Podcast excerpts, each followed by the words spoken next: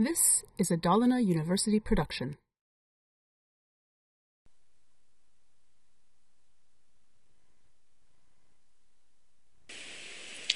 Vi har tittat på två olika typer av while-loopar.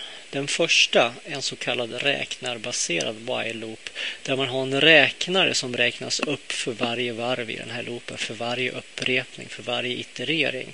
Och när den här räknaren når ett visst värde då avslutas loopen. Det var den så kallade räknarbaserade loopen. Sen har vi tittat på en annan typ av loop som kallas för flaggbaserad. Det vill säga loopen körs ända tills ett specifikt värde matas in. Och eh, man kan se den här världen som en flagga. Så länge som inte den här flaggan finns, så länge som det här inte har uppnått det här värdet, den här flaggan, så körs loopen. Och så fort den här flaggan kommer in, då blir det en flagga på spelet, flagga på loopen och då hoppar vi ur den.